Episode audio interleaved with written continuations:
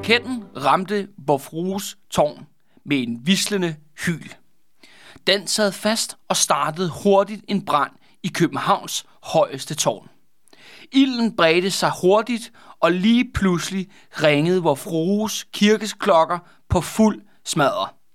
Ilden havde startet kirkens klokkespil. Det ringede på fulde drøn ud over den brændende by. Klokkerne blev kun afbrudt af bravne for eksploderende bomber og raketter. Ilden i vor frue brændte i flere timer, men til sidst styrtede det høje tårn i grus. Da det faldt, hørtes det ud over hele København et højt og fjernt hurra. Det kom fra de britiske linjer, dem der havde bombarderet København i grus. Du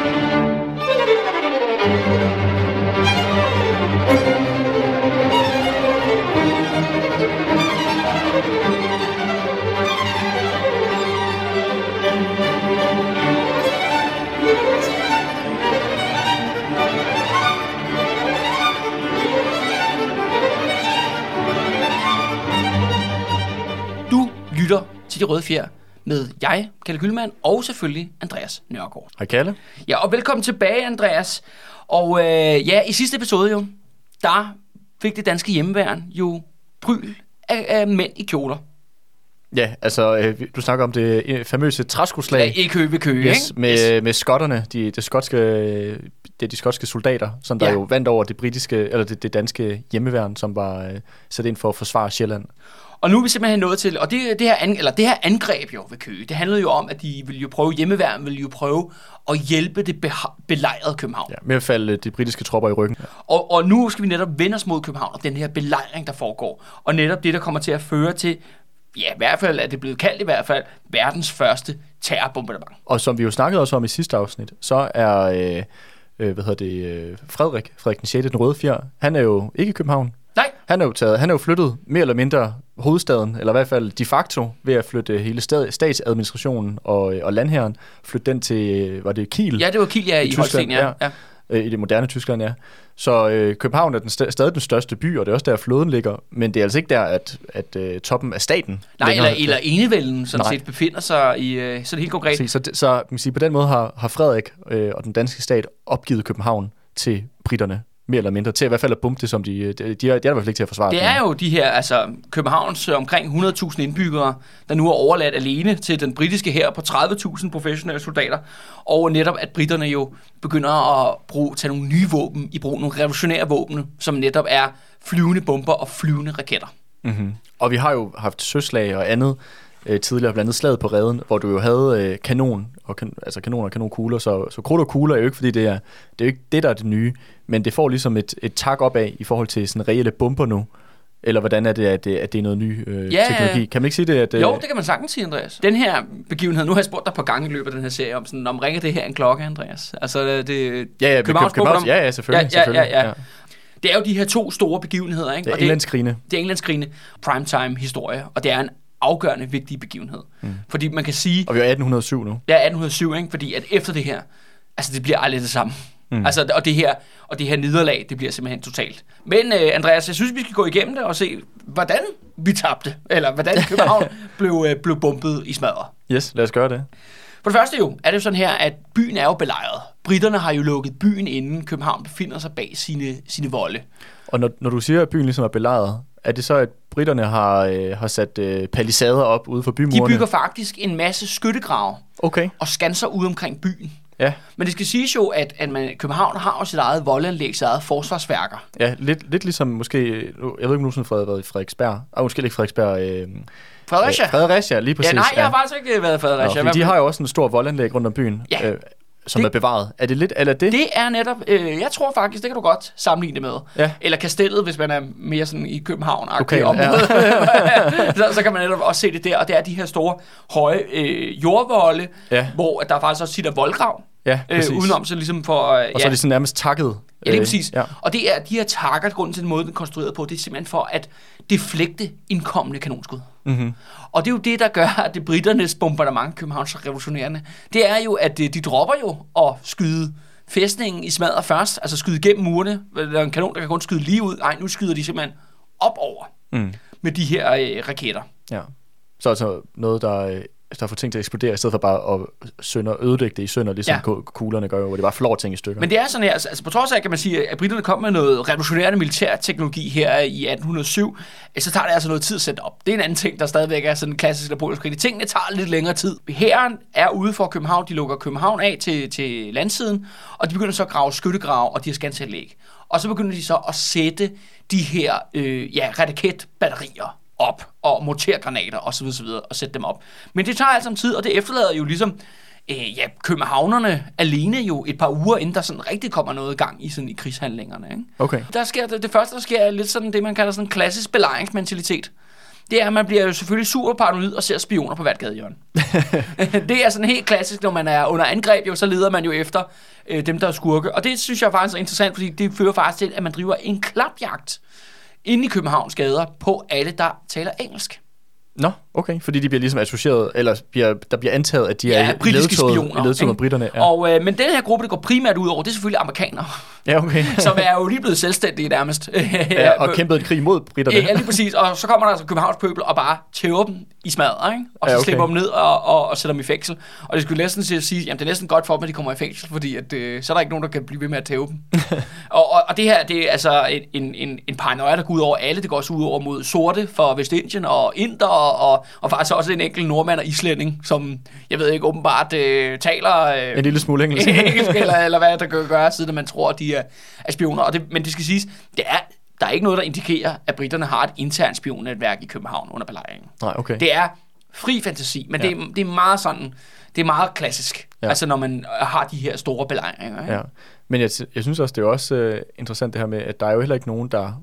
Altså de danske myndigheder har jo taget benene på nakken, så der er jo heller ikke nogen til rigtig... I hvert fald ikke, der er i hvert fald ikke nogen for, øh, for enevældets side til at lede den her modstand mod britterne. Nej. Så det jo, jeg, det, jeg forstår det også godt, hvis der er sådan lidt, øh, Og du skal, lidt huske kaos. på, du skal huske på, at kommandanten er en 72-årig pensionist. Præcis. Altså, så det er jo virkelig, det, det er alle mand for dem selv. Altså, Præcis. Så jeg tænker, at det giver også meget god mening, at der ligesom er sådan en forvirret stemning, hvor at folk ikke rigtig ved, hvad de skal gøre, og de bliver sådan lidt, øh, nå, men der er der en, der snakker engelsk herovre, lærer. Det er sikkert, det er sikkert en spion. Og, og, altså. og, og ved du hvad, det er faktisk, altså, så vi introducerede dem jo i slaget på redden øh, episoderne der. Det er jo også de her, øh, hvad skal vi kalde det, militser, de her frivillige korps, de spiller en stor rolle under den her belejring. Altså der er jo både det her øh, kronprinsen og kongens øh, livjægerkorps, som så består af studenter og småhandlende og whatever.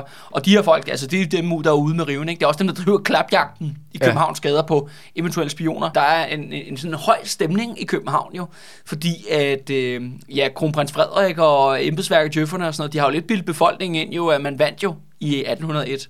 Ja, i slaget på redden. Ja, jeg slaget på redden jo, og Ja. nu kommer britterne så igen jo. Det er den samme modstander jo, ikke? Nu er der bare lige gået øh, seks år. Mm. Og de siger, ej okay, I fik fandme super smad at se sidste gang. Hvor du var, I kom, kom at me bro, ikke? Vi, vi tager den en gang til. Selvom det er jo så fuldstændig komplet urealistisk. Men det fører blandt andet til, at de her korps, som er blandt andet, fordi der er for få professionelle soldater Ja. i byen. Fordi til Kiel. Ja, ja, ja, ja, ja, fordi, netop fordi hele den rigtige her er i Kiel, ikke? til at bemande alle voldene, så man bliver nødt til at bruge rigtig, rigtig mange frivillige Ja. i det her forsvar. Og de her frivillige, de bliver kendt for, at de skyder simpelthen på alt, hvad der kan kravle og gå ude foran murene. Okay. Og de skyder altså også på danske civile, der kommer rundt ude foran murene, ikke? Fordi det er bare lige så snart, de ser noget bevæge sig, jamen, så skyder de kanoner og rifler øh, i supersmadder. Og det ender faktisk med, at ham der pensionisten Payman der, han, må, han er simpelthen nødt til at sige, at man, man, man, kan bare ikke blive ved med at brænde ammunitionen af på den her måde, hvor, det bare, hvor man bare fyrer på alt, hvad der ligesom kan, hvad der kan kravle og gå, ikke? Okay, så det virker også som om, at det er en rimelig øh, amatøragtig her. Det er fuldstændig amatøragtigt her Ja. på, på rigtig, rigtig mange måder. Men det, er, det andet interessante er også, at det, de har netop en sådan en høj patriotisk stemning. Og det er sådan her, at da britterne lige så langsomt får sat deres øh, raketbatterier og deres bomber op, så har de selvfølgelig også nogle prøveskud. Og det er faktisk stemningen de første dage i København, det er sådan, "Ej, de der raketter og bomber der, det er da barnemad. Det kan man overhovedet ikke tage seriøst. Og det kommer sig af, at det er jo på trods af, at det er ny teknologi, og derfra lider det også af rigtig mange problemer jo. Mm. Der er mange af de raketter, som simpelthen eksploderer i luften, Okay. før, før de Før de lander. rammer. Før de Ja. lander. Og mange af dem lander også, men eksploderer så ikke. Nej, okay. Og det skal siges, at, det, det skal siges, at nogle af britterne under slaget på redden, de skød også nogle af deres raketter. De havde dem også med i 1801. Og dem, der skød de også nogle af dem, der landede inde i byen. Og på daværende tidspunkt, det er i 1801, der var det sådan her, at øh, der rendte de, øh, de borgerlige korps øh, og studenterne rundt, og ligesom lavede en leg, hvor at, øh, man, hvem kunne trække brandrørene ud af raketterne hurtigst muligt. Altså, Så de afmontere de her bomber hurtigst muligt. For sådan, haha, det var sådan en... Øh, Sport. en sport, hvor man væltede rundt, og hvem, hvem, hvem tør ikke? Kom, kom nu, Carsten, ikke? Tør du ikke tage det der brandrør ud af den der vislende bombe, der, ligger- der, der ligger derovre i hjørnet, ikke? Det er lidt ligesom i dag, når teenager, de, øh, de laver sådan, øh, skyder til måls på hinanden med rom og lys, for eksempel. Ja, eller, ja, ja, ja, ja, det kan du godt, det kan du godt sige, faktisk, ikke? Ja, ja eller hvad, eller lege med fyrkeri på anden måde. Ja, altså eller hvad, hvad, luftgevær, ikke? Ah, det gør ja. Ja. ikke særlig at blive skudt med luftgevær, vel? Ja, ja. Eller, det, er sådan, det er sådan lidt den der, sådan den der attitude, ikke? sådan naivitet over, Ja, for, ja. over for de der britiske bomber. De forstår jo faktisk ikke rigtigt, Hvad der de hvad der, er på vej, hvad der er på vej mod dem, ikke? Eller, eller den her skala, britterne netop har tænkt sig at bruge de her, øh, de her våben. Men det er sådan her, at noget, der, noget er trods alt sket siden 1801, altså militærmæssigt i København. Og det er jo, at, faktisk, at søforsvaret, som vi også nævnte i sidste episode, er jo blevet voldsomt styrket. I form af at Trikroner er faktisk er Ja, blevet... den her lille fæstning ja, ude den inde i indsejlings til Københavns Havn. den er blevet færdig, og så har vi jo en stor kanonbådsflåde i København. Ja, Og- de der linjeskibe. Øh, nej, det er de kanonbåde, det er nogle robåde med omkring en, en 20-30 mand, Okay, som ror i de her både, og så har du faktisk en kanon i hver ende af båden. Okay. Så der kan, ligesom, der kan ligesom sejle rundt, og kan den skyde. Altså Ah, forfra ja, og bagfra. ja, ikke? ja. Og det gør, at den kan operere på lavt vand, og den er meget mobil. Ikke? Mm-hmm. Den er heller ikke afhængig af vinden, Nej, for det nej, første. Den er ro. Ja, og, og, ja. og, den er, og det er et godt våben inde på det her ja, farvand omkring København, fordi der er jo meget, som vi snakkede om, sådan Det er hvor der er meget lavvande og sådan nogle ting. Og det betyder, at de her kanonbåde er faktisk sådan øh, ret effektive, altså fordi at britterne er jo også ude ved kysten. Mm. Altså henholdsvis der, hvor Fisketorvet ligger i dag, på Vesterbro, og faktisk Nordhavn på Østerbro. Ja, Det er der, hvor britterne befinder sig, fordi København er jo så det mindre ja. i 1807. Og de er selvfølgelig også helt ude ved kysten, fordi det er jo meningen, at de skal jo Luk byen af. lukke byen af, men de får altså nogle rimelig øh, nasty, øh, hvad hedder det, flankeskud ind for de der kanonbåde, Okay. som ligger simpelthen og opererer frem og tilbage. Så det bliver jo lavet sådan lidt sådan, hvad vil det være at stramme den at sige, det er sådan lidt guerilla style Jamen det er det faktisk, de kalder det faktisk. Det er det, der har fået i eftertiden, har det fået, faktisk fået de her kanonbåde, er sådan guerillakrig til søs, ikke? Ja, De her små, øh, små både, og de er jo og det er, jo- de er gode økonomisk. Mhm. De er billige at lave, de er hurtige at lave, og så videre, så videre, ikke? Der er sådan en anden ting med fæstningen, det er jo, at, at landsidefæstning er overhovedet ikke forberedt. Altså, der er, alting er sådan lidt i forfald, og man har ikke gravet voldgrav, man har ikke du ved, udtømt voldgraven i mange år, der skal bygges palisader ovenpå, øh, hegn, der skal sættes, hvad hedder det, ja, jeg skulle lige sige spyd, ja, er alle mulige ting, der skal, der skal laves, ikke? ja, som ikke er blevet gjort. Er så ikke blevet gjort. Men en anden ting, som heller ikke er blevet gjort, det er sådan, at ude for Københavns Volde, der er det jo meningen, at man skal have det, der hedder klart skudfelt. Og hvad er det? Jamen det vil sige, at øh, træer og huse og alt sådan noget, det skal, der være, det skal der ikke være noget af. Der skal være så lidt bevoksning som overhovedet muligt. Så du ligesom kan, kan, kan se ja, slagmarken. så, så når du ser den der skotte, der kommer løbende i sin kjole, så du kan se ham, og du kan nakke ham. Mhm. Mm-hmm. Det er simpelthen det, der er ideen. Men det har man selvfølgelig overhovedet ikke gjort. Så der viser sig, og det er det der med den her periode, at selvom der er regler om, at man ikke må bygge hus ude for Københavns Vold, så er der rigtig mange mennesker, der har gjort det. Okay. Så der er blevet taget lidt let på den regel. Ja, lige præcis. Og der er jo selvfølgelig træer og busker og hvad andet, der er vokset op i mellemtiden. Ikke? Fordi det er jo lang tid siden, der har været en belejring sidst. Og det er jo også lang tid siden, der måske har været en konge, som har taget landherren seriøst. Ja, Altså, det så vi i hvert fald med Frederik den 6., at, øh, at Det- han jo ikke... ja han, men han har i hvert fald ikke taget Københavns forsvar seriøst. Altså, Nej, han, han, men- men han elsker jo sin land her. Nå, eller und, undskyld, det er ja, rigtigt. Det, er- det er jo selvfølgelig landherren, som han, han, øh, han elsker. det er jo det, han men, men det var mest bare tæsk i de værnepligtige. Ja, ja, ja, det er jo det. Det er jo mest, at han er jo mest sådan en paradeofficer. Ikke? Præcis. Ja. Og det er også det der med, at, det er, at britterne de bygger jo de her løbegrave. Det er sådan lidt øh, Første Verdenskrig-style. Ja, De, de kommer ligesom løbegravene kommer tættere og tættere ind på fæstningen, så i sidste ende vil de kunne storme. Altså så de kan løbe i dækning, indtil de kommer op til selve, selve fæstningen. Og det handler jo selvfølgelig om, at det vil man gerne forhindre, at de her løbegrave når helt hen til, til, til, ja, til volden. Ikke? Mm. Og det gør så, at man har faktisk seks udfald fra København. Og hvad vil det sige? Ja, et, et udfald, det er, når man sender rigtig mange soldater ud af fæstningen, for at angribe fjenden ude foran fæstningen. Okay. Og det her, det er faktisk uh, the origin af, af det danske jægerkorps af alle, sted, af alle ting. Ja, Ja, og det altså er... specialstyrke. Ja, specielt stykke. Det her faktisk, man siger, at det her 1807 belejring København, det er her, hvor det danske jægerkorps, så nu havde vi ligesom, vi havde uh, Orange Story på det danske hjemmeband, det gik jo rigtig godt. De, Ja. havde, de havde en kanondebut i I sidste træsko, træsko øh, og. Men nu, nu er det altså uh, jægerkorpsets tur til, okay. til deres debut. Uh, de gør det sådan en lille smule bedre, skal jeg sige. Nu er det jo også en elitestyrke. Men det her med idé med jægerkorpset, det er faktisk dem, de første, der kommer ud i de her udfald. Mm. De er iklædt faktisk grønne uniformer, de har sådan lidt camouflage-agtigt tøj på. Ja. Og så er det så folk, som er kendt for, at de er gode til at ramme. Så gode skytter. Ja, de er gode skytter. Og de bliver faktisk sendt ud i forreste linje, og det, der hedder, det, det, det, det de laver, det er det, der hedder en skirmish line på mm-hmm. engelsk. Hvor at, øh, man kommer ud i sådan en spredt orden, og så netop så skyder man efter øh, ja, ting, der er nemmere at ramme, fordi de er gode til at sigte. Ikke? Mm. Og på den måde, man ligesom generer fjenden. Og sådan efter man har sendt, øh, de er de første, der kommer ud, fordi de er jo ligesom, hvad skal vi kalde det, spydspidsen. Ja. Og efterfølgende så sender du så nogle regulære soldater, eller de her militser ud. Ja, så de her civile, der er blevet trænet. Ja, lige præcis. Ja. Og deres idé er, at hver gang de laver de her seks udfald, kanonbådene kommer så også med, skal jeg sige, hvis det, hvis det er tæt ved vandet, ikke? Mm-hmm. så kommer de ud og støtter dem i de her skuddueller. Men det de gør, er, at de går ud for fæstning, og så, øh, så brænder de simpelthen hus af og fælder træer. Okay, Og for, for, for ligesom at få, øh, at få renset, eller få, øh, få hvad hedder det, hvad, hvad kaldte du det? For, øh, Ja, for rense, altså sørge for, at der er frit skudfelt, ikke? Præcis. Så britterne, altså, Så skabte øh, et frit så, skudfelt. så, så, så, hvad hedder det, alle de her skydegale småborgere på voldene, de, de kan ramme noget, ikke? Ja. Men det kræver, at der er klart skudfelt. Ja. Og det fører faktisk til nogle rimelig sådan øh, dramatiske kampe. Altså sådan lokalt. Og vi har faktisk en af dem, der har foregået lige her rundt om hjørnet, Andreas. Fordi en af de her udfald foregår faktisk på det, der i dag er Nørrebro. Nå, og, og det er- den, her på det tidspunkt eksisterer Nørrebro jo ikke. Nej, men ved du hvad der eksisterer på Nørre, øh, altså som er så stadigvæk en del af Nørrebro den dag i dag? Jamen det gør Assistens Kirkegård. Ja. Fordi en af de her øh, morter raketbatterier bliver sat op ind på Kirkegård. Nå, er de britiske der? Ja, ja, britiske ja. soldater, så de begynder at forberede det. Og det, det spotter danskerne i, i en kikkert eller et eller andet. Og så, øh, og så simpelthen så sender de sgu jægerkorpset ud. Mm-hmm. Og, øh, og de andre får ligesom at se, kan vi ikke prøve at se, om vi kan nakke Det der, det der granat. ja. ja, ba- batteri, der er inde på Stevens Kirkegård. Og det kommer til nogle ret voldsomme kampe, hvor at øh, britterne faktisk forskanser sig inde på den jødiske kirkegård, Som også ligger på Nørrebro. som også ligger på Nørrebro og stadigvæk også findes. Og der, øh, der har vi faktisk nogle rimelig hårde kampe, vil jeg sige, hvor at, øh, vi har 20 dræbte danskere og 40 britter. Ja, okay. Det er da sådan rimelig... Ja, men det skal siges, altså man skal tage mange af tallene her med grænsalt. Der har været store diskussioner om, hvor høje tal, øh, tabene egentlig er. Men, ikke, ingen men der har været reelle kamphandlinger. der har været reelle kamphandlinger, og det er det samme øh, historie, kan vi fortælle om ja, Vesterbro ude ved Fisketorvet, og selvfølgelig Østerbro ude ved, ved, ved Nordhavn. Og det, apropos øh, ja, Østerbro og, øh, og hvad hedder det, Nordhavn og kanonbåde, øh, jeg har faktisk, der er ret grinerende historie om nogle af de her, en af de her kanonbåde, der skal med til en af de her udfald, fordi der er jo seks i løbet af, af, af belejringen.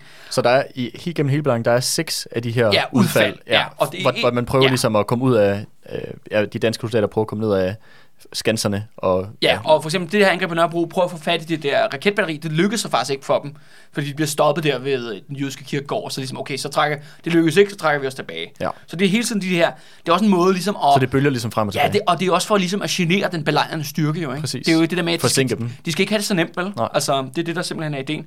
Og de har jo også fået at vide, at de skal holde tre måneder, jo det er også lang tid. ja, de skal også have tiden til at gå med et eller andet. Øh, men der er en, en grinerende historie om, øh, at der er en af de her angreb ud på Østerbro-siden, der hvor at øh, Nordhavn, bydelen Nordhavn ligger i dag. Der er der simpelthen en, en kanonbåd, den hedder Kataminde. Mm. Det er den navn efter den her fynske, fynske provinsby. Ja, i Nordfyn. Ja, og der er det sådan her, at de, her, de, de sidder, ligger inde i Københavns Havn, og de hygger sig, og der er sådan en af dem har sin, øh, sin kæreste med ombord. Nå, ej, hvor hyggeligt. Ja, altså, de er sådan rimelig, det er jo de er glade, rimelig- rimelig chillet. det, det er jo de glade amatører, ikke? Altså, det er, og, og hun, har, hun har øl og vin med, og så, og så lige pludselig, så, så går signalet til angreb. Okay. Og så kan de sgu ikke nå at sætte hende i land, så hun er bare med i kamp. Okay. Og så går historien på, at mens de mændene, de roer og skyder kanonen af, og de har faktisk også nogle, øh, nogle sårede og sådan fordi britterne skyder selvfølgelig igen det er klart. på kanonbåden.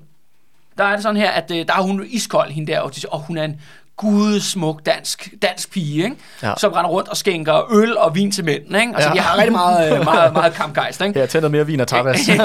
lige, lige præcis, ikke? mens de øh, roer rundt i, i krig. Ikke? ja. Så det er ligesom, øh, hvad skal vi sige, altså krigen, belejring i starten, er sådan lidt liv og glade Det dage. lyder lidt sådan loose. Ja, ja, ja, og det er jo sådan en, hvad skal vi kalde det?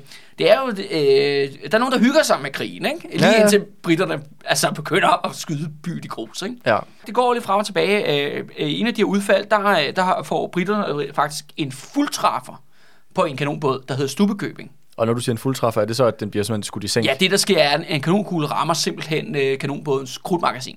Okay. Så den simpelthen springer, Springer. Ja, okay. Og det, der ryger altså lige sådan en 30 danskere der, ikke? eller 20 danskere der, Mm. i, et, i et hug. Men på den anden side, så får de danske kanonbåde også en fuldtræffer på, en, på et engelsk krigsskib, mindre engelsk krigsskib, det der hedder en brick, der hedder Charles af Curterly, hedder, hedder skibet, som også springer i luften, og 30 britter går, ja, går ned med fladet på den konto. Ikke? Okay. Så det, Så det er ikke helt bare Dramatik. sådan, det, det er ikke kun helt ensidigt. Der er, man, man får også ligesom, øh, man får nogle hug, men man får også givet britterne nogen igen. Ja. Ja. Men klart det største og mest interessante af de her udfald, det er det her udfald, der foregår i det, der hedder Klassens Have. Som, øh, hvordan man på et tidspunkt var sådan et grønt område, som, ja, det ligger sådan midt på Østerbro i dag. Men det, det eksisterer ikke længere. øh, der er en lille bitte rest af det. Det er lige faktisk lige ved den amerikanske og den russiske ambassade. Over i, øh, i, den, i den del af Østerbro. Nå, okay, så det er, den, der, det er meget, meget tæt på Indre By. Ja, ja, men ikke dengang jo. Nej. Skal du tænke på. Men Nej. jo, men så de kommer simpelthen, øh, der kommer, der vælger man simpelthen, at man samler hele jægerkorpset og nærmest hele, alt hvad man har, militær grej og alle sine kanonbåde, og så laver man et kæmpe udfald. Mm. Og, øhm, og det man øh, faktisk gør, det er jo lidt for at rydde hele området, netop fælde træer og sådan nogle ting, så man også tømmer med ude, netop for at fælde de her træer, så håndværker til at fjerne og brænde bygninger af og sådan noget. Ja. Og, og sådan rent sådan, øh, hvad skal vi kalde det, militærtmæssigt, så opnår de faktisk det, de, det, de gerne vil. De får ry- ryddet det her Ja, område. britterne, britterne bliver faktisk taget med bukserne nede. Ja. Altså, i, i, det kommer sådan et stort angreb, og, øh, og det gør så... Og det vælter ud med tømmer. Og det vælter ud med tømmer, og de fælder træerne, de brænder husene af, og, og, og jægerkorpset og de andre soldater, kanonbåndene, de gør alt sammen der, de gør deres opgave.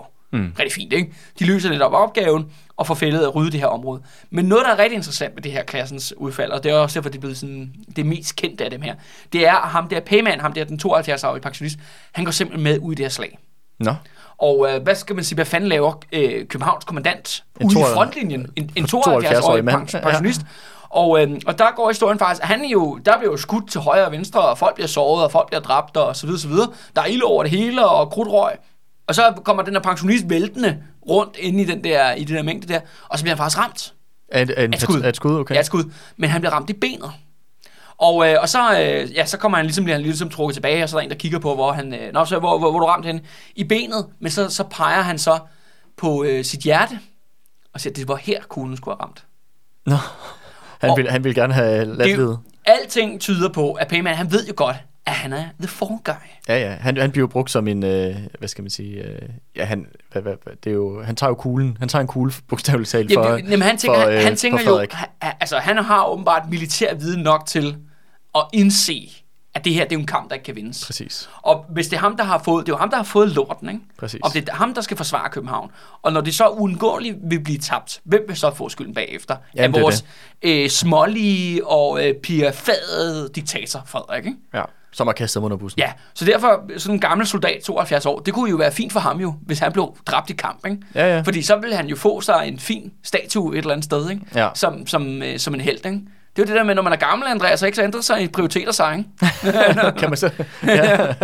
En anden ting, som også er, er, ja, ligesom han gerne vil redde øh, soldateræren i en, i en selvmordsaktion. Mm.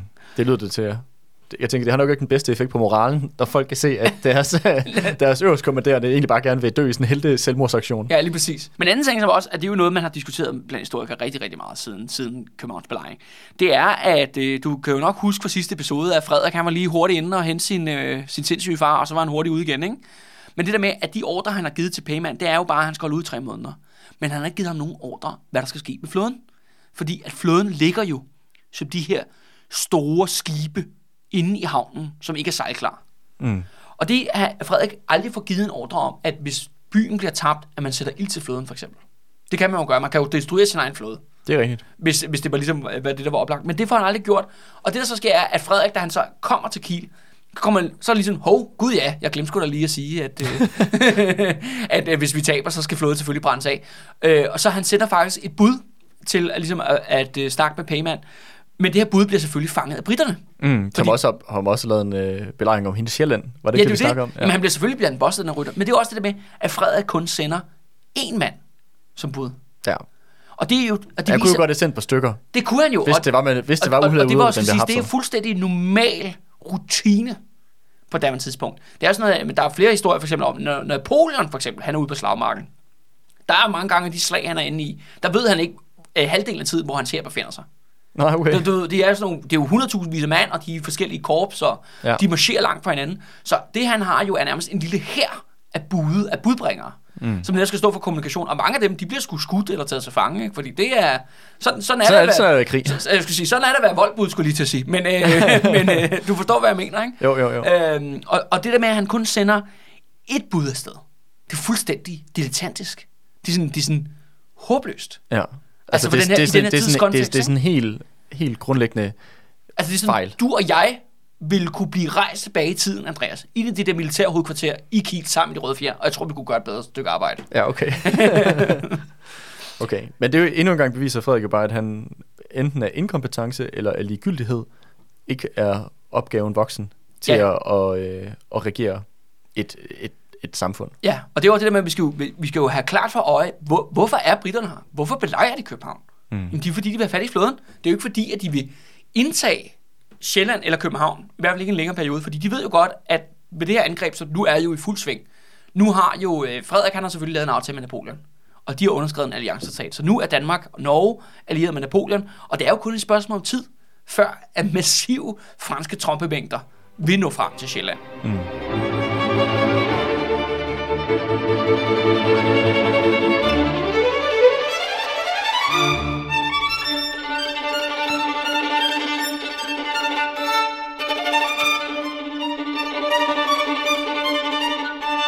er jo det her med, at britterne er jo netop under et tidspres. Og der er faktisk, britterne, de er i det militære hovedkvarter til Københavns belejring. Der har vi vores ven øh, Wellington der.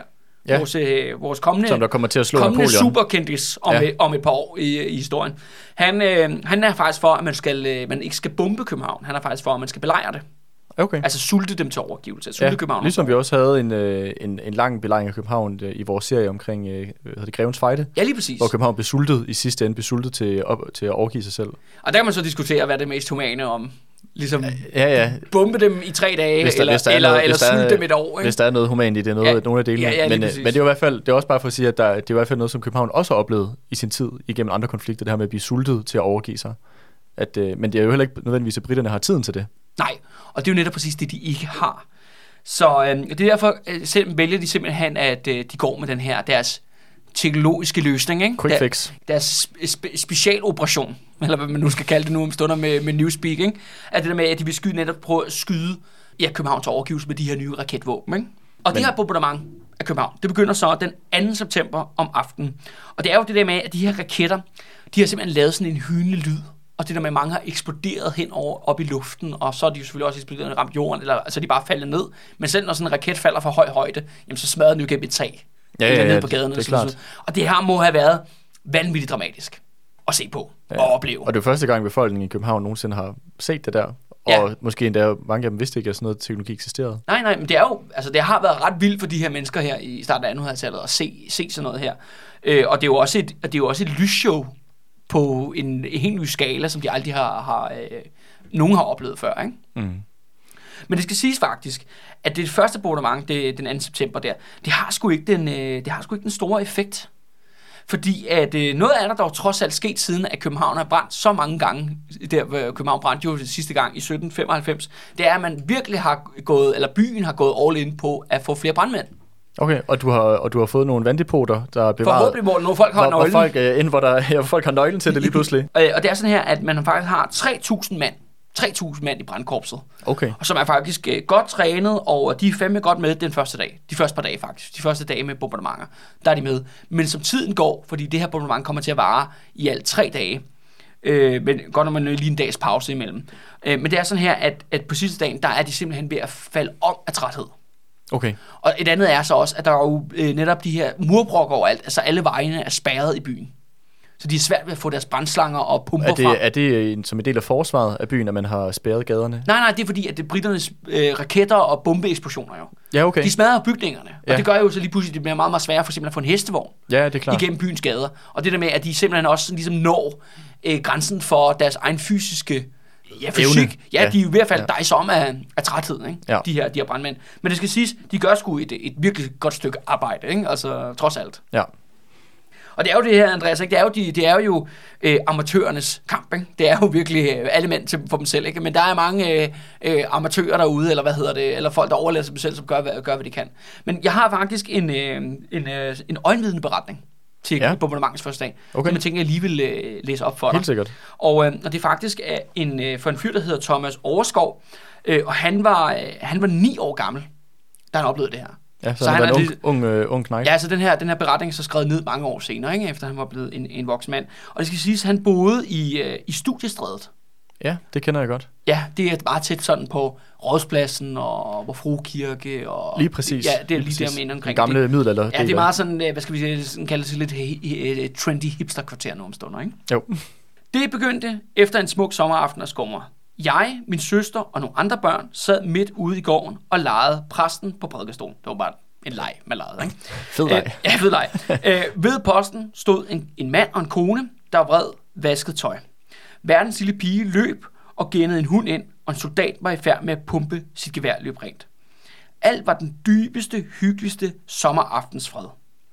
Pludselig hørtes et par svære skud.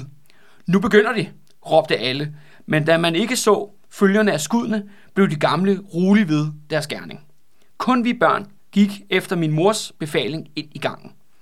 Næppe var vi kommet vælter ind, før en bombe styrtede ned i forhuset, rev et vindue ind til gården med sig, faldt ned ikke langt fra folkene ved posten og sprang i mange stykker, så til med brostenene dansede om dem. De tog flugten, og en almindelig forfærdelse udbredte sig. Til nu blev den skrækkelige skyden uophørlig. De lyste bomber fløj i deres stødvise fart vislende gennem luften. Blussende brandrør krydsede hver andre og susede ned på alle sider. Alle var i den frygteligste angst og forvirring. Huset, hvor vi boede, var indrettet til lutterfamilier, og alene i baghuset var der 16. De ilede alle ned ad trapperne og tydede sammen i gangen under jammeren, gråd og høje klageskrig. Først klokken 4 om morgenen saknede ilden, og klokken 8 ophørte det.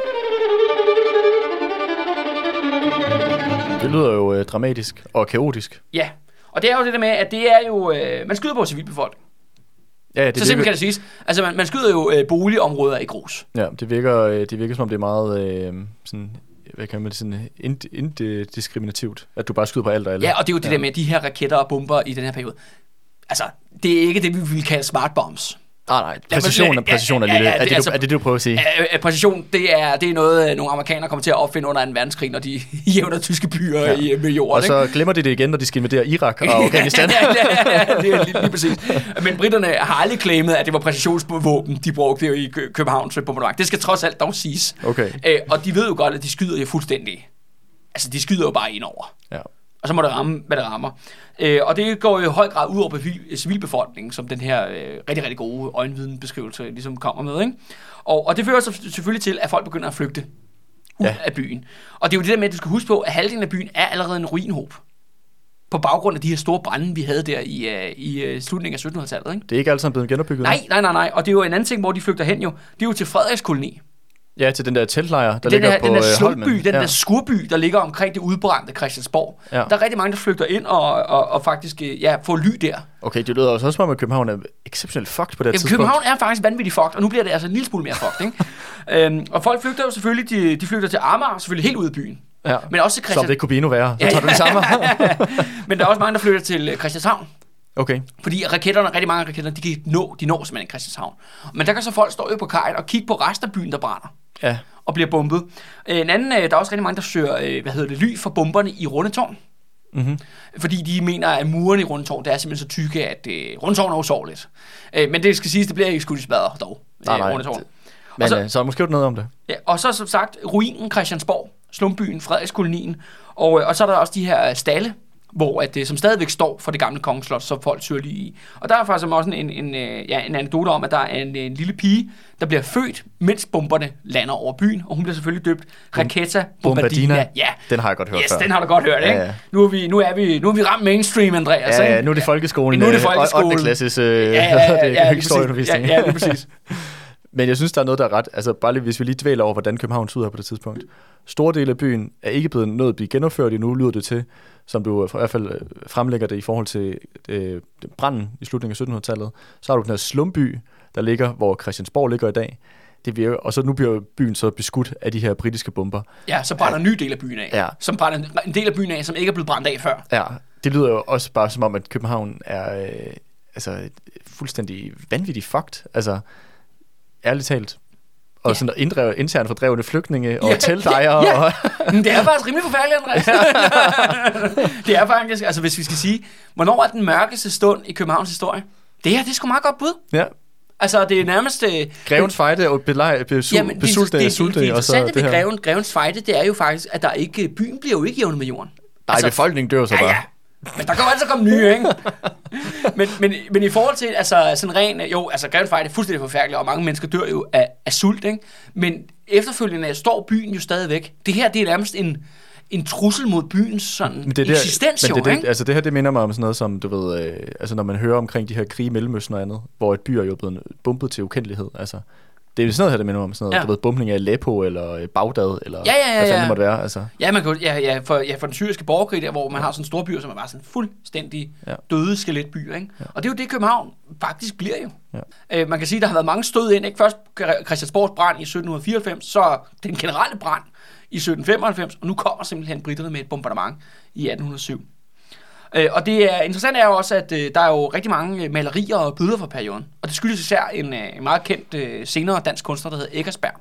Jeg har snakket om ham i relation sammen med, hvad hedder det, med Mads Dyrholm, da vi lavede Johannes Evald og, mm-hmm. og Krøyer-episoden og sådan nogle ting. Men han er simpelthen en ung mand, ham her Eggersberg, på det tidspunkt. Han, og han lever faktisk rundt og bare tager skitser Nå, Øh, det skal siges, at efterfølgende, at alle er jo helt smadret efter, efter belejringen, men Eggersberg, han, det er her, han laver sit business. Det er hans prime time. Ja, jamen, det er fordi, han sælger simpelthen bare øh, øh, maleri og stik af bombardementer til folk. Nå Så det han vil de gerne han- have. De, kan ikke få, de, de, de, de skal lige have Det er lidt jo mere. før fotografiet, det her, skulle du tænke på, ikke? Altså, han er jo ligesom, han sælger ligesom det, så folk kan huske bombardementet, ikke? Ja, okay. Så han, han er simpelthen rundt ude på gaden og ja, nærmest øh, øjenvidende beretning, ikke? og så tegner og laver skitser en masse. Og faktisk er det sådan her, at på et tidspunkt, så jeg tror, han er oppe og, og hente øh, flere sådan, øh, hvad hedder det, ja, supplies op i sin lejlighed. Han bor lige ved siden af Rundtårn øh, på det andet tidspunkt. Så er op og hente nogle mere malergrej, eller hvad det er, og så kommer der faktisk en raket direkte ind i hans lejlighed. Okay, som så ikke springer. Ja, ja, han bliver fa- altså, nej, som ikke springer, han bliver faktisk, øh, hvad hedder det, han bliver lettere såret i hovedet af noget sten eller noget loft, der falder ned i hovedet på ham. Men så er det sådan her, han slukker faktisk øh, bomben med sin natpotte. Okay, Ved at jeg hælde, at ved, hælde, ved at hælde lort ud over den, ikke? Så, så slukker han den. Ikke? Så han har også en lille, sådan en lille del af, øh, en lille fli af Københavns Heroisk. Ja, ja, Ja, ja. heroisk, ja. ja. han er bare en ret afgørende kunstner, sådan for den danske guldalderkunst og sådan Ja, noget. ja, ikke? ja, ja. Nu har vi også snakket om Øenslæger lidt i relation til øh, slaget på redden. Ikke? Og det her bombardement, altså det første bombardement, det kommer så den 2. september. Men det andet bombardement, det kommer først den 4. september. Mhm. Så der er lige et par dages pause, det skulle lige være med på. Og så kommer så det sidste, det tredje bombardement, det kommer så den 5. september. Og det sidste bombardement, det er den 5. september, det er det, der virkelig bliver helvede. Altså, de to første, der lykkedes det, altså brandkorpset, ligesom at, at inddæmme det. Men i det, her, det sidste der, der slipper det fuldstændig ud af kontrol. Det der opstår, det der hedder, øh, der opstår det fænomen, der hedder en ildstorm. Og hvad er det? Ja, en ildstorm, det er, er, at når ilden bliver så kraftig, at den bare begynder at suge ild til sig. Mhm. Øh, og det er jo sådan, den trækker nærmest folk ind i flammerne. Og, den er, og det bliver nærmest ustoppelig, ikke? Og det er sådan noget med, at, at det, det bliver simpelthen ja, virkelig kogende, kogende varmt, ikke? Okay, jeg, jeg kender ikke det begreb, men, øh, men det lyder forfærdeligt. Altså, altså, det skal siges, det er jo en mindre ildstorm i forhold, altså for eksempel, de mest berømte ildstorm, det er sådan nogle, der skete under en verdenskrig. Både Tokyo og Hamburg har været udsat, og Dresden for den sags skyld, har været udsat for det, der hedder ildstorm. Mm-hmm. Og for eksempel en ildstorm, det er det der med, at det er... Altså, en, hvor det er blevet bombet af, Ja, det, af hvad hedder det, allierede styrker. Ja, det er, for, det er for det første, det er, det, er en, det er en ild, hvor der bliver så varmt, at det bliver det, der hedder en fladbrand. Okay, Vi snakkede om, da Christiansborg brændte, det der med, at ild har det jo med at gå op og ned. ja. Men hvis den får nok power på, så bliver det så det, der hedder en fladbrand. Hvor det spreder sig Hvor det spreder sig ud til siden, og det var lige præcis det, der skete. Og det er også det med, at det bliver nærmest umuligt at slukke. Der er ikke andet for at brænde den ud, altså i relation til Hamburg. Ikke? Det var sådan helt vildt. Jeg hørte sådan en, uh, min farmor, hun er, hun er død nu, men hun uh, opvoksede på Lolland som lille pige under krigen, og hun sagde, at man kunne se det der ildskær fra Hamburg i tre døgn. Okay. Fordi det var sådan 5 kilometer høje flammer. De snakker om, at asfalten øh, blev til mudder, Okay, så folk shit. hang fast i. Ikke? Okay, hold Altså, kæft. det, det, så vildt er det nu ikke Nej. i København, men det siger, der er lidt Det er lidt derhen der er af. lidt det samme på spil her. Ja. Og det er sådan her, den her ildstart, øh, ildstorm, den er omkring Vor Frue Kirke.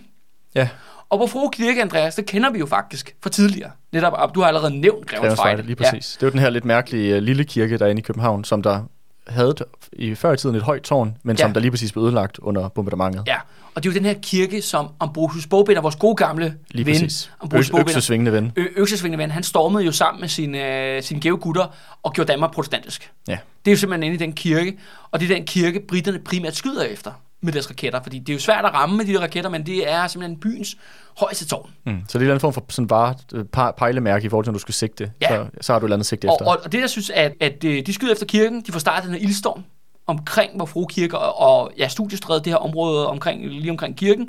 Og det andet er, som jeg startede episoden med, Andreas, så var det, at en de raketter rammer simpelthen ind i tårnet og starter øh, øh, kirkens klokkespil. Mm-hmm. Så de her klokker, de begynder simpelthen at bare køre deres egen melodi.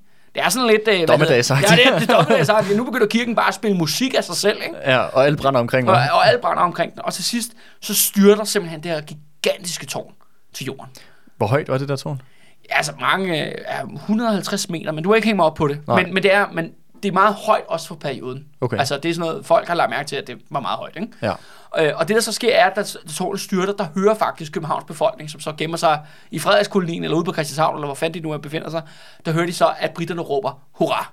ja. De hører det simpelthen, Det her kampråb. alle 30.000 britter står og råber hurra ude i mørket. Det skal siges jo, København, stort flammehav, ude fuldstændig mørkt, jo, fordi det er jo 1807, ikke? Det er jo ikke, fordi der er mørkt. gade, Det- det, det- det, det ikke, fordi der mørkt om gadebelysning, vel? Nej. Øh, Men det eneste, man ser ud fra Britternes linje, det er jo netop, når raketterne går op. Ja. Så ser man selvfølgelig deres ildhaler, Ja. når de går op, og så hører man bare det der hurra. Hmm. Og så styrter det der kirketårn der bare Okay. i smadret, ikke? Det virker jo øh, mega, mega nøjeren. Ja, jamen det er, det er sgu dommedag i København. Så, lang, så, ja. så kort kan det siges, ikke? Ja, jamen det virker jo som om, at det, det virker virkelig som om, det er den mest øh, seriøse stund for Københavns bys overlevelse, som vi har været igennem nu. Det virker som det er det her. Ja. Altså, jeg, hvis jeg havde været i København på det tidspunkt, jeg ved ikke, hvor mange der døde i det her slag, men det virker, øh, jeg har svært ved at se, hvordan man kommer videre herfra.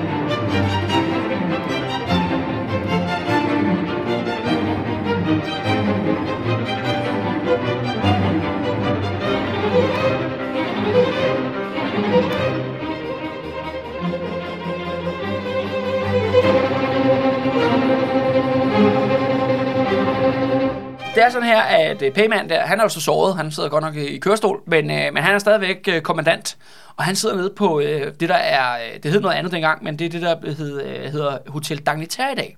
Ja, Som er det mest, kongen- kongens, ja, øh, kongens Flytårn, ikke? ja. Som er det mest fancy hotel, du kan, du kan sove på i København, tror jeg.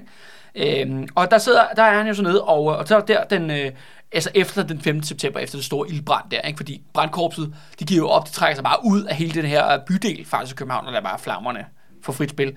Og så begynder folk simpelthen at oversvømme ham, og, øh, og sende breve til ham, og underskriftsindsamlinger, og bare sige, kapitulere. Mm. Overgive, overgive, overgive. Altså, vi kan ikke mere. Vi kan ikke klare det. Du er nødt til at overgive, øh, hvad hedder det, København. Og det fører sig simpelthen til, at den, øh, den 7. september, der, øh, der overgiver København sig. Og britterne rykker simpelthen ind og besætter byen. Okay. Hvor, hvor mange døde i de her, gennem de her bombardementer? Ved Ja, man det? jamen altså, der har, den her diskussion har jo været virkelig øh, op og vende, hvor mange der egentlig faktisk er døde. Også fordi, at øh, efterfølgende så blev det brugt ret aktivt i øh, Napoleons propaganda. Ja, Okay. Det, her, det her blev altså faktisk en europæisk begivenhed. Det var altså noget, alle hørte om det år. Det var, at København blev skudt det smadret. var skilsættende. Det var, det var faktisk skilsættende, og det, det, det, det trak faktisk altså headlines i, det, i hvert fald den vestlige verden, ikke? Ja. At, at det her det skete. Og der blev lavet utrolig meget ja, sådan, ja, antibritisk propaganda omkring øh, slaget på Reden. Brandvæsenet... Men er du ikke, ikke slaget på redden, men er du ikke Københavns brand? Ja, Ja. Jeg, jeg mener selvfølgelig Københavns Bombardement. Ja. Yes. Øh, brandvæsenet vurderer, at omkring 305 huse blev skudt i smadret. Det gjorde yderligere 7.000 hjemløse Okay. oven i dem, der allerede boede i Frederikskolonien, øh, Frederikskolonien Ja. øh, permanent, ikke? som omkring 5.000, så vidt jeg husker. Øhm, men dræbte alt i alt, man vurderer, det kun er omkring 400. Nå, det sgu da billigt sluppet. Ja, og, øh, og britternes er tab ligger måske om et eller andet sted omkring 100. Nå. Jeg havde troet, det ville være vildere. Ja, og det er jo også der, der altså i, i, i, gennem tiden har der været en kæmpe stor diskussion omkring de her tab. Mm-hmm. Øh, og jeg har sgu lidt svært ved at vurdere, hvad fanden der er op og ned.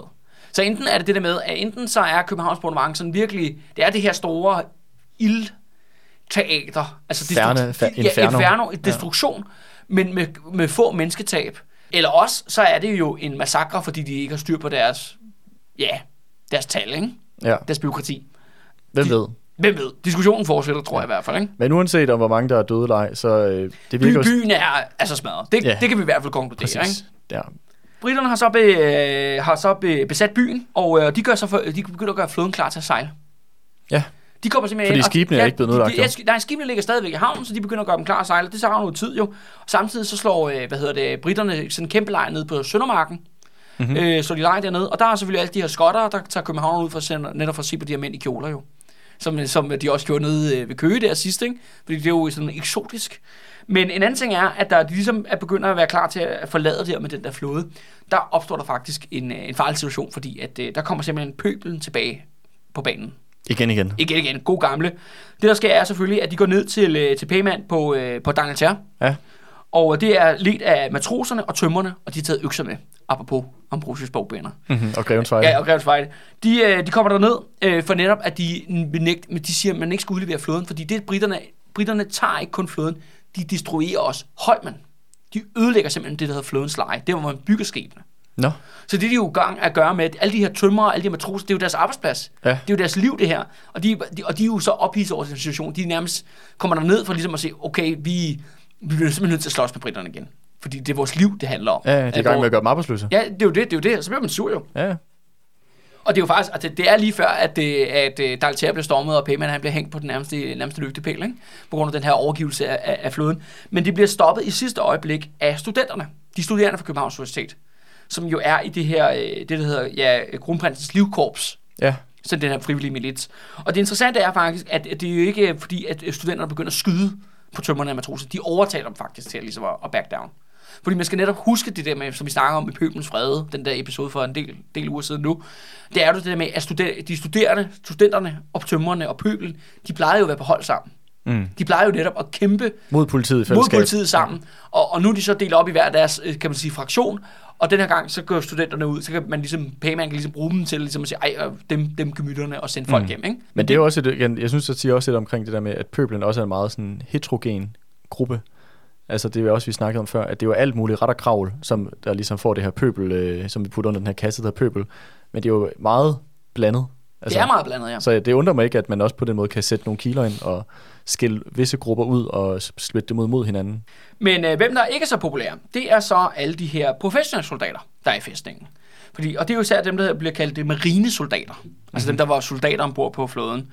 Dem er der selvfølgelig også mange af i København. Der er ja, flere tusind faktisk. Og mange af dem er jo faktisk øh, tyskere, og de er erhvervede tyskere. De er ikke engang fra Holsten, skal det siges. Altså det er simpelthen Nå, ned for- lejesoldater. Tyske, ja, hvad kan man sige, kerneland. Ja, ja, lige præcis. De er lejesoldater.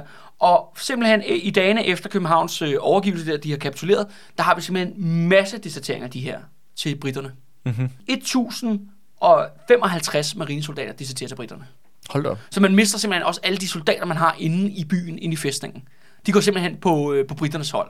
Ja. Ja. Britterne, de slår selvfølgelig op en erhvervbåd og siger, ja, vi er open for business, vi skal, vi skal til Spanien, og vi skal til alle mulige spændende steder om ikke så længe. Ikke? Ja, hvor der er varmt. Her, hvor der er varmt, så hvem, hvem er frisk på, uh, på at slås for os nu? Og det skal sige, det er meget normalt i, i perioden af, af lejesoldater, de skifter side, mm. sådan alt efter konflikten. Men det er ikke fordi, at uh, hverken københavnerne eller sådan set, hvad der er tilbage af det danske militær, så det her nådigt op. Det er sådan her, at rigtig mange af de her, øh, mange af de her folk, de deserterer i store grupper, hvor de er bevæbnet ned til britterne, ligesom for at komme i sikkerhed. Men hvis de kommer for få afsted, altså måske en eller to eller tre, så bliver de simpelthen omringet af pøblen. Så, så arresterer pøblen dem simpelthen og tager dem til øh, Kongens Nytorv. Og der på Kongens Nytorv, der lå, lå det her hovedvagten, kan du huske det? Ja, politiets hovedvagt. Ja, hovedvagt. Og der bliver de sgu øh, hængt Nå, og skudt. Så er det, at vi... Altså, Der er simpelthen kort... Jamen, de, de bliver jo set som forrædere. Ja, Landsforrædere, ikke? Og de bliver så også øh, gjort til syndebuk. ja for, for det her, der, der, der er sket. Ikke? Ja. Og der, er simpelthen, der bliver fyldt op med dinglende lige ude foran hovedvagten der på Kongens Nytorv. Og, øh, ja, og så selvfølgelig øh, henrettelser med, med skud. Okay, Og de bliver så smidt i massegrav ud for byen. Ikke? hold Så da op. altså, det er også nogle, det er nogle hårde dage, altså Ja, det tiden det efter, til. øh, Ja. efter belejring. Ikke? Ja, hold da kæft. Og øh, så Men, den, men det bare lige for lige at Ja. ja. så opsummere, så det vil sige, byen er, er skudt i smadret, men den har overgivet sig til britterne, som nu er inde i byen. De er i gang med at gøre skibene klar til, de kan stikke afsted med dem. Og så Holmen, her hvor, der, hvor skibene bliver bygget, er så i gang med at blive hvad, øh, afmonteret, ødelagt. øde- ødelagt af ja, britterne. ja, ødelagt, ja, ja. fuldstændig. Øhm, og, Og det 21 betyder også, at Danmark ikke i fremtiden vil kunne bygge en flåde. Nej, det er det. Eller i hvert fald, det, det kommer til at være omkø- det kommer til at Det kommer til at tage år Ja. og tiger. Ja. Og, og det er jo så det. Danmark kommer jo aldrig tilbage. Nej. Det er jo ikke, fordi vi er en stor flodmagt i dag, vel, Andreas? Ah, der er mærsk. ja, jamen, det er jo ikke en krigsflåde, jo. Nej, nej, det ved jeg godt. Ja. Og den 21. oktober 1807, der er floden, der, bliver, der sejler den danske flåde væk. Altså med britiske folk ombord øh, til at sejle til at sejle skibene. Øh, historien har det, har det med at komme med sådan nogle sjove, ironiske indfald, har jeg lyst til at sige. Fordi det er sådan her, at der er et øh, skib, der er, ligger på beding, som det hedder. Det er et skib, der simpelthen er ved at blive bygget, altså i de sidste stadier er at være færdig. Og det her skib, de kan de ikke tage med, det kan de ikke sejle. Så det vælger de så at, øh, at ødelægge, altså de brænder det af. Ja. som det noget af det sidste, de gør, inden øh, britterne forlader København.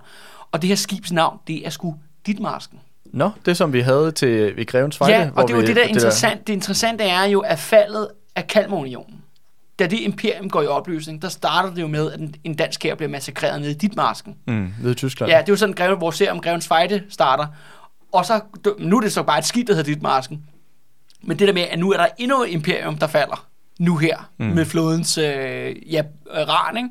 At, og det, hed, det sidste skib hedder kraftet med dit masken. Men det er sjovt, at de har valgt at kalde det dit masken. Kalde det Det efter er et meget skæbneagtigt, ikke? Altså, hvad Jo, skal, men det er også, hvor- hvem har tænkt sådan, vi skal kalde det her øh, krigsskib et eller andet dramatisk og fedt. Hvad med den her gang, vi fik tæsk Ja, ned og, Dan- og, og nogle tyske bønder og- stjal bag Dannebro, ikke? Ja, præcis. Det er det, vi kalder det. Ja, ja. dit masken. Men hør, vi, vi talte jo også om, at de havde et skib, der hed, hvad hedder det, indfødsretten, ikke? Altså, Jo, jo, jo. Hvor, altså, så deres, øh, deres øh, navn til de der skib, det er lidt ude af det blå, synes jeg. Ja, en, det virker lidt, øh, lidt tilfældigt. Ja, der, der, jeg ved ikke, om der er nogle, der er nogle tøffer, der har, har haft det sjovt med at finde på, øh, på skæbnesvanger, skæbnesvanger uheldige navne. Måske.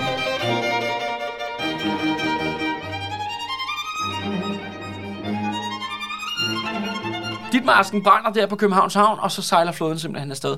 Det skal faktisk siges, at... Øh, og så forlader den britiske her Sjælland. De, de pakker simpelthen alt, fordi de ved jo godt, at hvis de bliver hængende for længe, Så kommer der. Bolians. Ja. ja, og der er jo ingen grund til at tabe ja, offer soldater unødvendigt. I modsætning til Frederik, så øh, fører øh, britterne et rimelig rationalistisk, altså har sådan en rationalistisk ting. Øko- økonomisk tilgang. Øh, Ja, ting, tilgang øh, til tingene. Øh, men det skal siges dog, at mange af de britiske tr- øh, troppetransportskibe, de går faktisk ned i Nordsøen. Hvorfor det? På grund af dårligt ja, vejr? På, grund af- på grund af dårligt vejr, simpelthen. Nå. Øh, som er jo ligesom en faktor i tiden. Ikke? Øh, så faktisk mange britiske, øh, og det skulle sige, at mange af de her transportskibe indeholder jo så de her soldater og deres familier, som du nok kan huske fra sidste episode. Nå, ja, ja. De, øh, ja, De dør. de dør. De drukner flere tusind, faktisk. Okay. Ja. Nå, så bare endnu en, øh, endnu en hvad skal man sige, øh, tragisk hændelse og, øh, og tilføje til bunken Ja, lige i det her afsnit. Er lige præcis, ikke? Hvor at det virker som om, at uheld og udulighed er det, der koster flest menneskeliv end øh, deciderede krigshandlinger. Ikke? Jo. 6. november, det er der, hvor Frederik om sider vender tilbage. Okay, så der går lige øh, næsten to måneder, før han kommer. Ja, så Ja. ja. kommer han så på hurtig smuttur, skal siges. Det er ikke, fordi han bliver længe i ruinhoben. Nej, Altså, han det synes kommer- han, han synes ikke, det er for fedt at være der Nej, alligevel. nej, han skal hurtigt tilbage til Kiel, ikke? fordi han, Fred, øh, altså Frederik, han har jo stemplet ud af vores historie. Mm. Ikke? Men han kommer selvfølgelig lige tilbage, og så gør han selvfølgelig øh, payment til Søndebuk, Det er klart. som var fuldstændig forventet, og en række andre højtstående officerer for Københavns Belejring. De bliver selvfølgelig alle sammen sat for en krigsret og smidt i fængsel.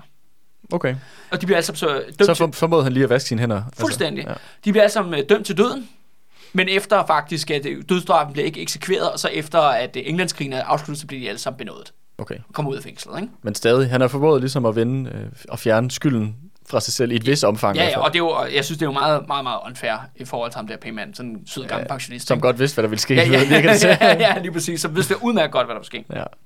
En, øh, en lille krølle på halen, Andreas, inden øh, vi når til, øh, til afslutningen til dagens episode, det er faktisk, at øh, det her med, med flodens ran i 1807, det har faktisk efterladt sig øh, noget, man kan se ud over hele Danmark. Og det er faktisk egetræsalléer. Ja. Ja. Fordi efter selvfølgelig at flåden er væk, og nu står man jo fuldstændig, alting er bare smadret, alting er fuldstændig ruineret, der går der et ordre om for, for, selvfølgelig for, for Frederik og, og djøfferne der i embedsværket om, at nu skal alle plante egetræer Så man kan genopbygge flåden. så man kan genopbygge flåden. Og det gør faktisk rigtig, rigtig mange adelige rundt omkring på danske kurser. Så helt klassisk, hvis du nærmer dig et dansk øh, herregård ude omkring i landskabet, så vil der ofte være en stor egetræselev med nogle store, store gamle egetræer. Ja. Det blev så plantet her i 1807, alle de her træer. Men problemet er bare med egetræer jo, det tager rimelig lang tid for sådan en egetræ at blive færdig. Og de stod faktisk, de her egetræer, de blev først kampklar i 1970'erne. Altså, hvor de var klar til at kunne blive fældet. Og, Ja, ja, ja. Så jeg siger bare, det er en mulighed for, at vi kan genrejse floden.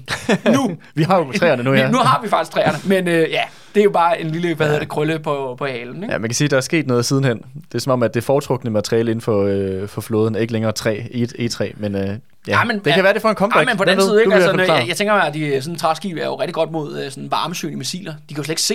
Det er rigtigt. De kan slet ikke se sådan Gud, træskib. Gud, det er rigtig De, kaldt. de går bare direkte igennem og falder ned i vandet. Ikke? Ja. Det, er jo, det, er jo, det er jo et Genialt. genialt våben, ikke? Ja.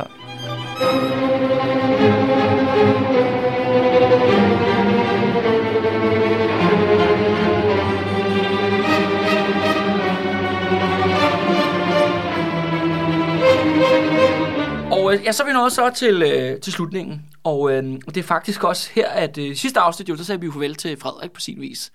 Og nu, Andreas og, ja, og lytterne, der skal I sige farvel til København. Nå, Fordi at øh, nu er København sådan set ude. Selvom at de jo også har fyldt rigtig, rigtig meget i vores historie. Og som du allerede jo så udmærket og observeret, Andreas, så er København bare den her fuldstændig smadrede ruinby. Fyldt op med flygtninge. ja. Og den har mistet al sin relevans. Embedsværket har forladt det i... Ja, enevælden har forladt den i 1805, Flåden er væk. rykket til Kiel, og nu er flåden væk her i 1807. Så København har mistet sin relevans som, øh, som centrum for, Ja. for resten af Englandskrigen. Hverken øh, administrativ eller militær. Lige præcis. centrum længere. Og, og det er sådan her, de her folk, som... Øh, ja, så, altså, krigen fortsætter jo helt frem til, til 1814, og de her folk, de lever altså en kummerlig flygtningstilværelse. Der er ingen, der har råd til at genopbygge byen jo. De er jo fuldstændig smadret. Mm. Øh, og staten er også smadret øh, efterfølgende, og de lever faktisk af, af velgørenhed. Symptomatisk er, at det faktisk er både i tiden efterfølgende, efter 1807, i de første år efter, der er der faktisk kæmpe store pengeindsamlinger i Norge og i Holsten til borgerne i København. Nå. Så de lever simpelthen som flygtninge i deres egen ruinby, Okay. hvor de modtager velgørenhed for resten af imperiet. Ja, det er jo meget ironisk i forhold til de første pausen, vi havde, hvor vi beskrev, hvordan at, øh, at København, og især Christiansborg, det var jo det her mørke hjerte, hvor som, som, der der sugede rigdom til sig Ja, ja. for alle provinser og alle kolonier i, i, i imp- imperiet. Nu virker det til, at nu er det, nu er det København, der modtager, Men hjertet, men, men, men ikke... hjertet er jo, bogstaveligt talt blevet sprængt i luften, ikke? Præcis. Eller blevet brændt af, mere måske Præcis. mere korrekt, ikke? Ja. Men nu er det så af almisser, de får, Af provin- de får provinsen. Og, øh, og der kan man sige, der, øh, der efterlader vi dem simpelthen øh, københavnerne der. Og det er jo også en anden ting, som vi jo netop også var en af formålene med den her serie. Fordi man har jo, som jeg sagde, i, aller i begyndelsen, det der med, at man har utroligt travlt med at snakke om, og om Danmark er sådan et fredselskende land, der kommer ikke revolutioner i Danmark. Og det er rent nok, der kommer jo ikke en revolution på baggrund af Englandskrigene. Men det her, det er simpelthen en kæmpe faktor i det. Fordi som vi har beskrevet jo, er jo pøblen, altså københavnerne, været super mobiliseret og været meget aktiv og rimelig voldsom. Ja. Kan vi godt konkludere. Men det, der sker nu Er rimelig radikale. Og rimelig radikale, ikke? Der er jo sket en masse. Men fordi at byen nu nærmest er jævnet med jorden, og mm. folk de lever af almisser, så er der ikke den her kraft mere. Altså København er simpelthen blevet brændt af, blevet skudt væk som et eventuelt centrum for en revolution i Danmark-Norge. Ja, og også, altså... Øh, Fordi det er det med, at hvis du kæmper for overlevelsen, så stopper det der med at, ligesom at tænke på politisk forandring. Det bliver, det bliver sådan en prioritet, der bliver skubbet ud til et andet tidspunkt. Men jeg vil sige også, at du har jo også en situation nu, hvor at, det kan da godt være, at, øh, at, du, at, du, at der er stadig folk, der, øh, der er leder kede over hvad det, Frederik og hans, øh, hans måde at regere landet på, men han sidder også bare nede i Holsten, Ja. i Kiel. Altså, det er jo også sådan lidt... Øh, Jamen, embedsværket er jo også væk, jo. Ikke? Altså, det, væk, man, kan ikke altså. storme, man kan ikke storme enevælden Nej. i, øh, i København. Du kan ikke engang stoppe den der skide, den der skide øh, hvad hedder det, kongepalads, for det er også brændt ned. ja, ja, ja. altså, Og, og, og Marienborg står tomt. ja. Der er ikke nogen hjem. Så det er jo det der med, og det er, der, øh, og det, er det sådan, København kommer til at være. Helt frem der til, ja, til og med 1815, ikke? Hmm. Ja, nu er vores øh, ja, hovedstad, imperiets hjerte, er jo gået fuldstændig opløsning. Og det begynder så resten af imperiet og kolonierne selvfølgelig også. Flåderne er væk, imperiets hjerte er skudt, brændt ned, jamen så vil resten selvfølgelig, så vil periferien jo også begynde at deintegrere. Og det ser jo rimelig sort ud, Andreas.